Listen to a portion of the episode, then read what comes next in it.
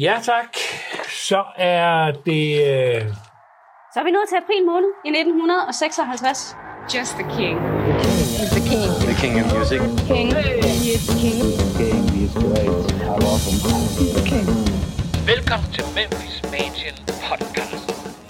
Ja, helt præcis 1. april. Det vil Nemlig. pleje at være april snart. Yes. Øh, men her der er det altså Elvis Gene Smith og bandet, som flyver til San Diego, hvor Elvis skal være med i den meget populære Milton Berle TV variety show.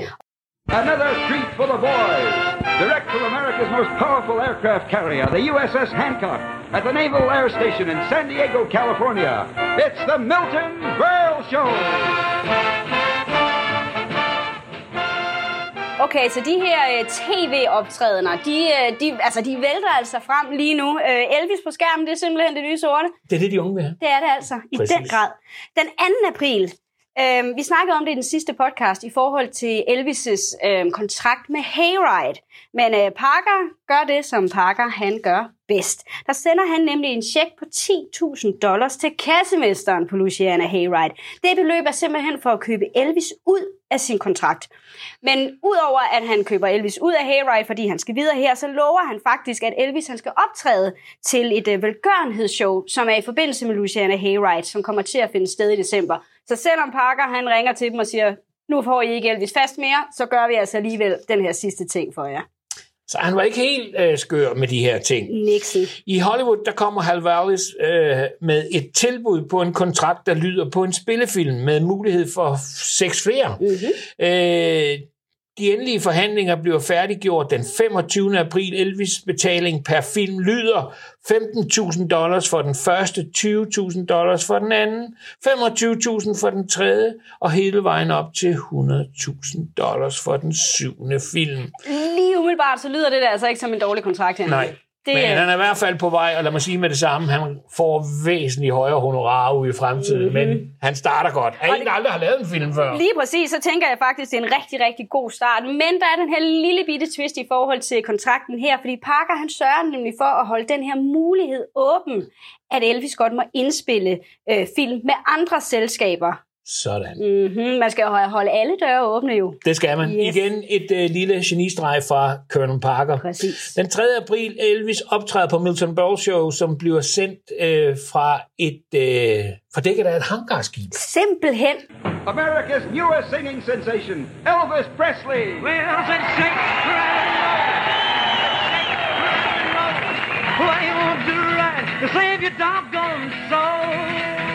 Yes. alle, alle ting, man overhovedet kunne vælge at filme fra, så bruger man, gør, bruger man dækket på et hangarskib. Ja, Hvorfor ikke? Cool. 6. april, der flyver Elvis til Las Vegas for en one night only. Hvad han lige præcis skulle der, det står, det står ikke nogen steder. Øh, men han er i hvert fald på The New Frontier Hotel. Det er det samme hotel, hvor Parker han allerede er i gang med at undersøge en eventuelt booking til et show, så det kunne være Elvis, han lige var afsted for at tjekke tingene ud, who knows.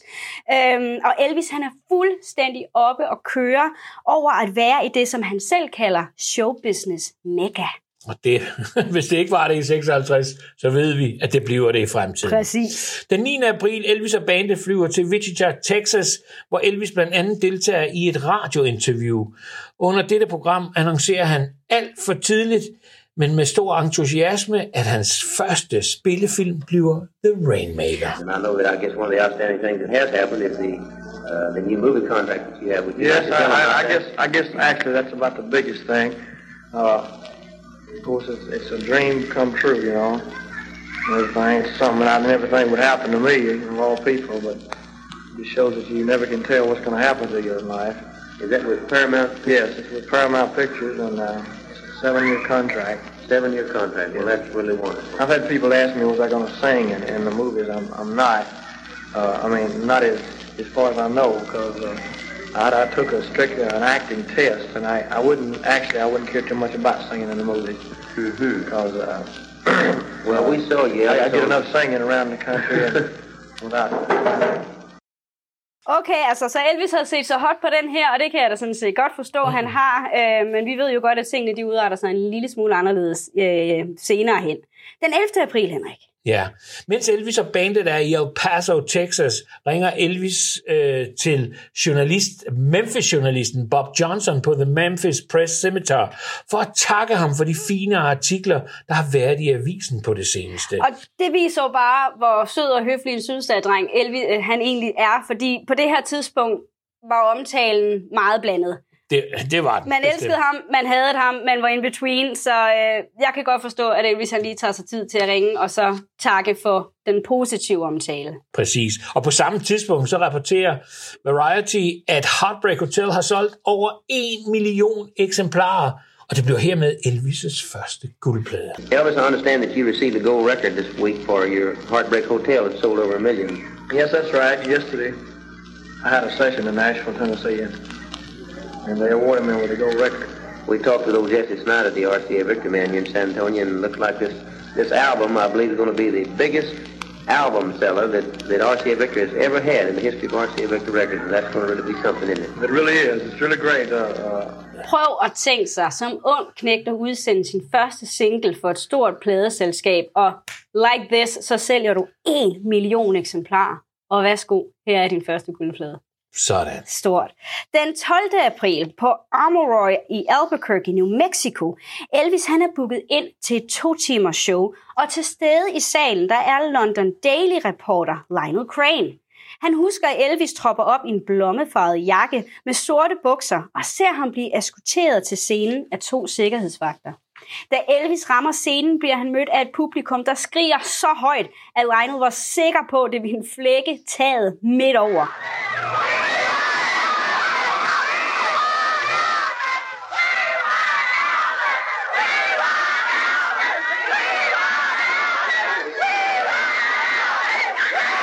Lionel får mulighed for at snakke med Elvis backstage efter showet og spørger ind til hans succes. Elvis svarer, It makes me want to cry. How does all of this happen to me?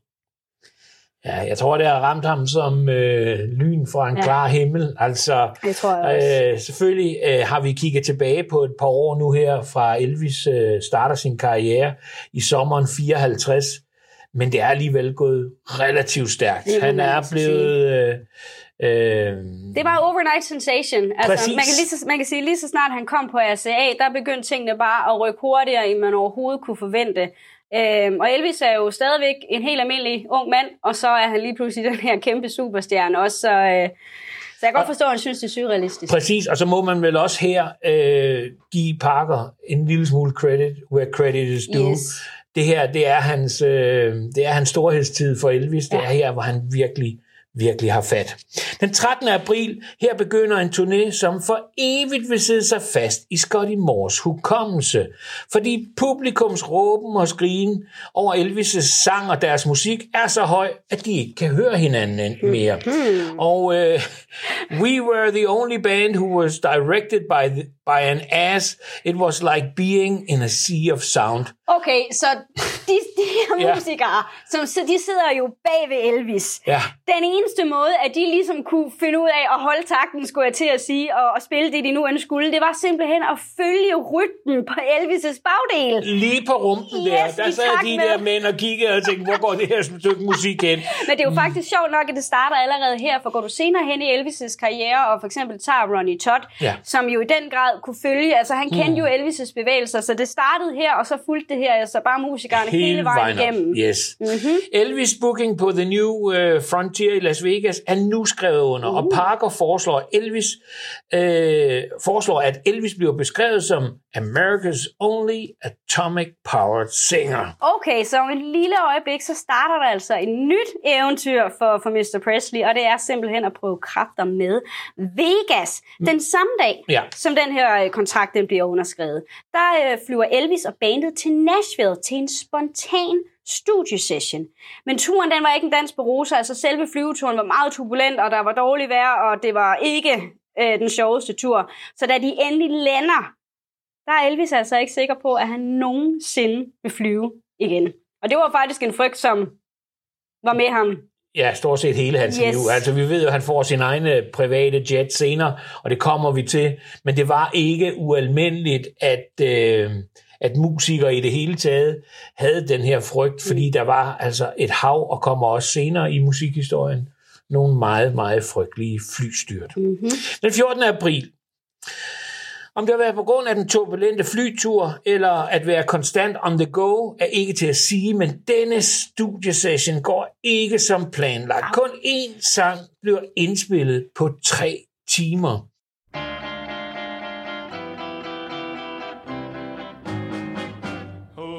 Me close, me tight, make me thrill with delight. Let me know where I stand from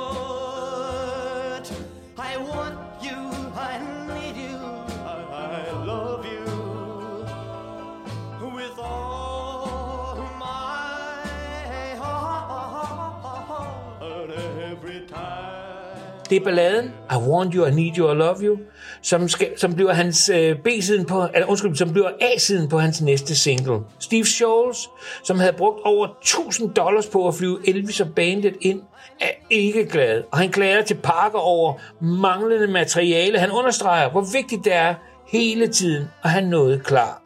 Under indspillingerne modtager Elvis sin guldblad for Heartbreak Hotel. Well, there you go. Drengene flyver tilbage til Memphis, og samme aften som de lander, der deltager Elvis i Dewey Phillips' Red Hot and Blue radio show.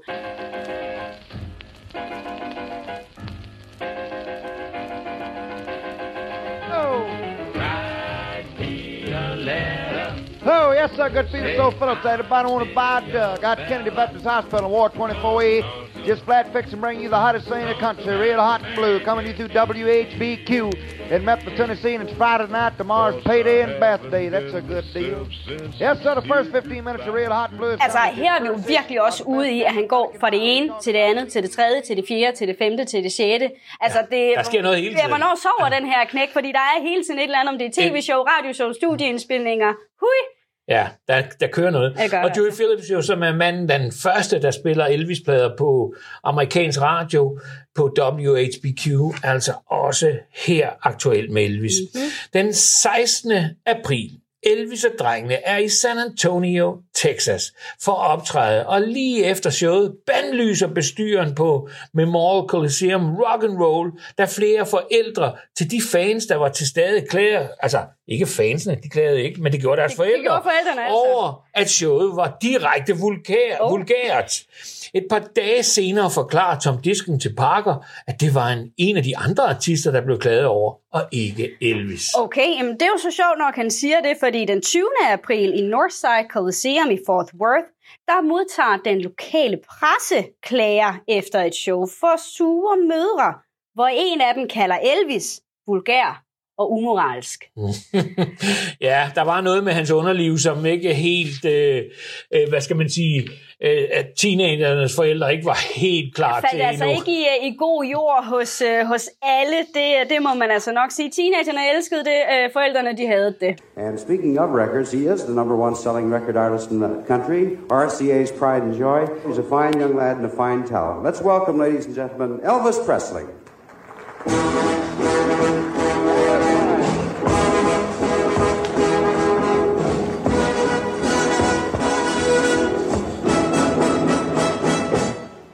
24. april. Elvis har debut i øh, Vegas øh, på The New Frontier Hotel. Publikum er noget ældre og øh, noget mere modent, og han formår ikke at fange publikum på samme måde, som han plejer. På trods af, at han ikke trumfer igennem på scenen, bliver han alligevel forelsket i The Vegas vibe. Men altså, her, der kunne det måske være gået galt, men gudskelov, og det ved vi i dag, mm. så havde han modet på at komme tilbage. Og det kan jo nok også have noget at gøre med, at han forelsker sig i Vegas, som Vegas nu end er, siger, okay, det var ikke den rigtige tid for mig, men øh, jeg giver den sgu et skud mere, og så ser vi, hvad, hvad der sker senere hen, og det kan vi kun være taknemmelige for den dag i dag. Vi slutter april måned af med noget af en triumf. Ja, den 28. april, Heartbreak Hotel er nummer et på pophitlisten i Amerika. Sådan. Det var det for april måned. Øh, der sker simpelthen så meget i Elvis' karriere lige nu, at vi næsten tager den måned for måned, Henrik. Det er ret interessant. Vi er tilbage øh, med næste afsnit om et øh, lille øjeblik. Well, since my baby left me, well, I found you place to dwell. Well, it's down at the end of Lonely Street at Heartbreak Hotel where I'll be. I'll be so lonely, baby. Well, I so lonely.